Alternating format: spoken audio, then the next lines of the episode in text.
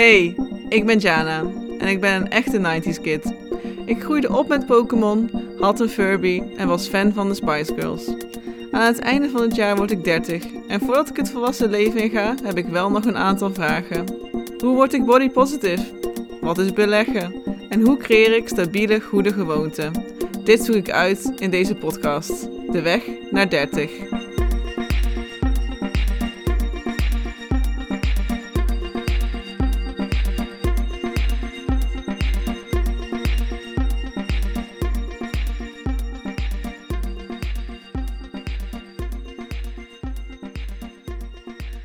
Hey, wat leuk dat je luistert naar De Weg naar 30. De plek waar ik op zoek ga naar antwoorden op vragen die ik heb voor mijn 30ste verjaardag.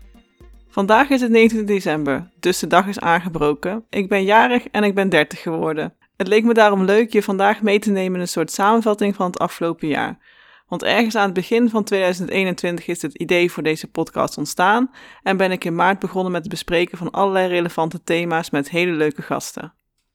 Wat heb ik nu allemaal geleerd van deze gesprekken? Is er een bepaalde rode lijn te ontdekken? En hoe ga ik nu verder? Het idee voor de weg naar 30 is ontstaan dat ik merkte in gesprekken met andere leeftijdsgenoten steeds dezelfde thema's tegenkwam. Ook heb ik door de lockdowns in 2020 podcast helemaal ontdekt. En de som van deze twee dingen maakte dat ik dacht: waarom begin ik niet hier zelf een podcast over? Waarin ik in gesprek ga met anderen om zo meer te weten te komen over thema's die relevant zijn voor deze levensfase waar ik nu in zit. En eigenlijk het maken van de podcast zelf heeft me al van alles geleerd. In het proces heb ik vaak te maken gehad met mijn perfectionistische gedachten. Is de kwaliteit van de podcast wel goed genoeg? Zou ik niet duurdere apparatuur moeten hebben of een studio waarin ik gasten ga uitnodigen? En de welbekende vraag: wie zit er nou hier op te wachten? Als ik me had laten tegenhouden door deze gedachten, was de podcast er nooit gekomen. En wat ik voornamelijk heb geleerd is om niet die motivatie voor deze podcast uit het oog te verliezen.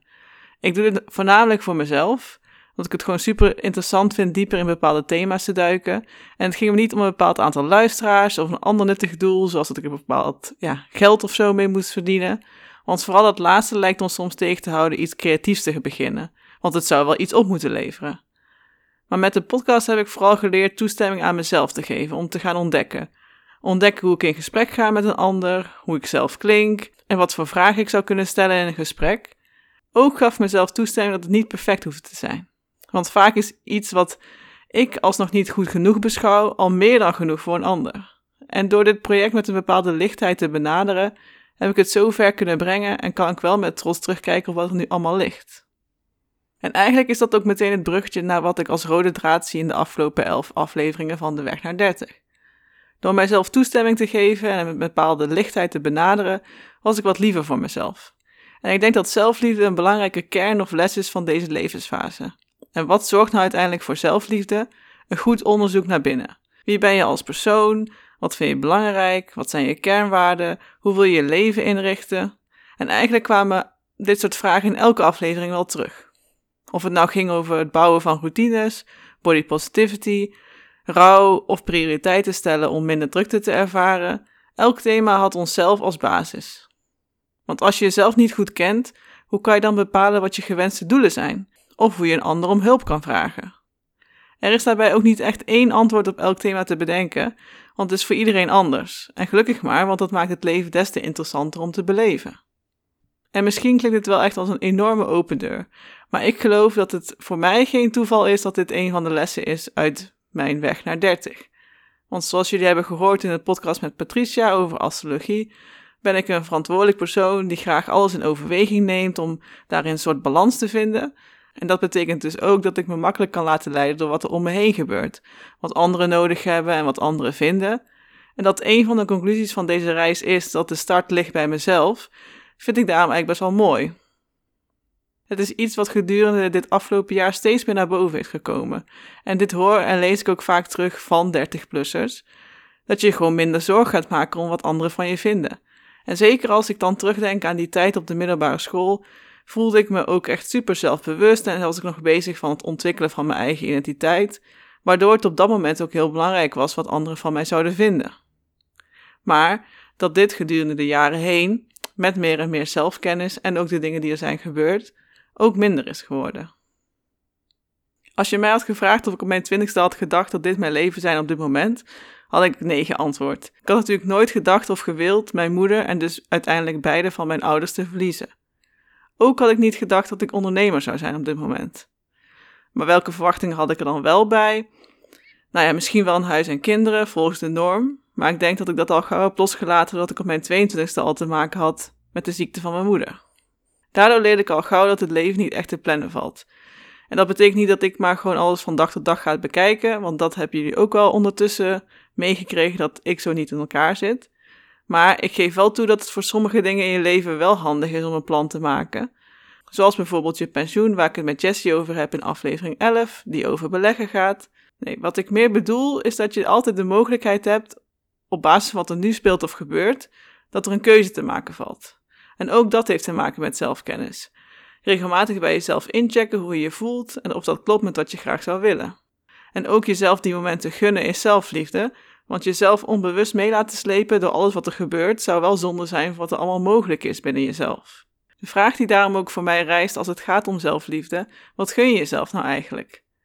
Want zeker in deze al best wel lastige tijden van een pandemie kan ik er mezelf op betrappen dat ik rondjes aan het lopen ben in mijn hoofd. Vervolgens ga ik me dan ook nog zitten opvreten over dat ik die rondjes aan het lopen ben. Of ook al die momenten wanneer ik net een bepaalde gewoonte aan het bouwen ben en haast mezelf een loser zou willen noemen als het één dag niet lukt. Dat helpt natuurlijk niet en ik denk dat daarom het accepteren van mindere tijden en dagen ook wel iets is wat ik heb geleerd in deze weg naar 30. En niet meer zo te tegen vechten, maar ook gewoon te laten zijn en dit ook bespreekbaar te maken met anderen. En ook dit is iets wat ik vaak hoorde in gesprekken met mijn gasten. Dat we het soms moeilijk vinden om ook vervelende dingen met anderen te delen, uit angst niet begrepen te worden of dat de ander daar niet op zit te wachten. Maar het is juist dat bespreekbaar maken wat jou kan helpen door moeilijke tijden heen te komen. Wat je ook weer een inkijkje geeft in wat jij nodig hebt en wat jij belangrijk vindt. En daar is natuurlijk wel kwetsbaarheid en kracht voor nodig.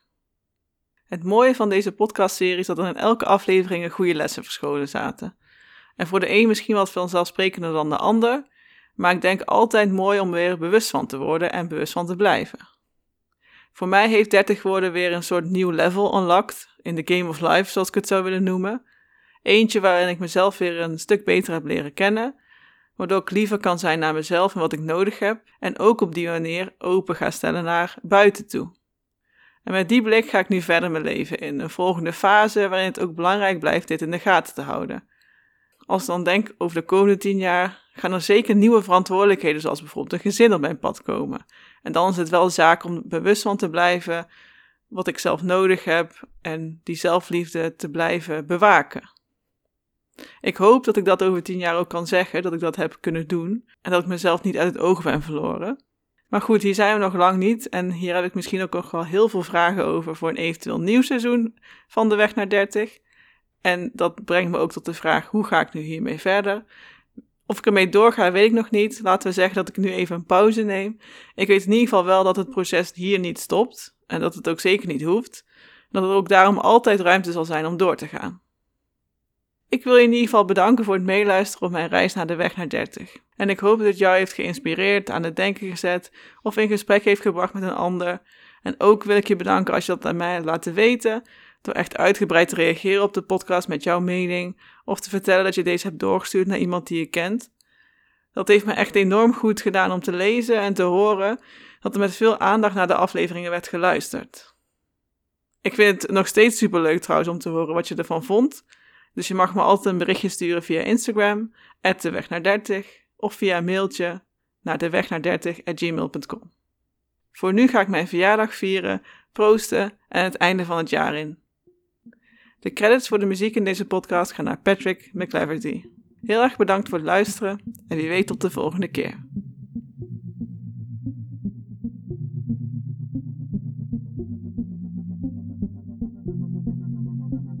Thank you.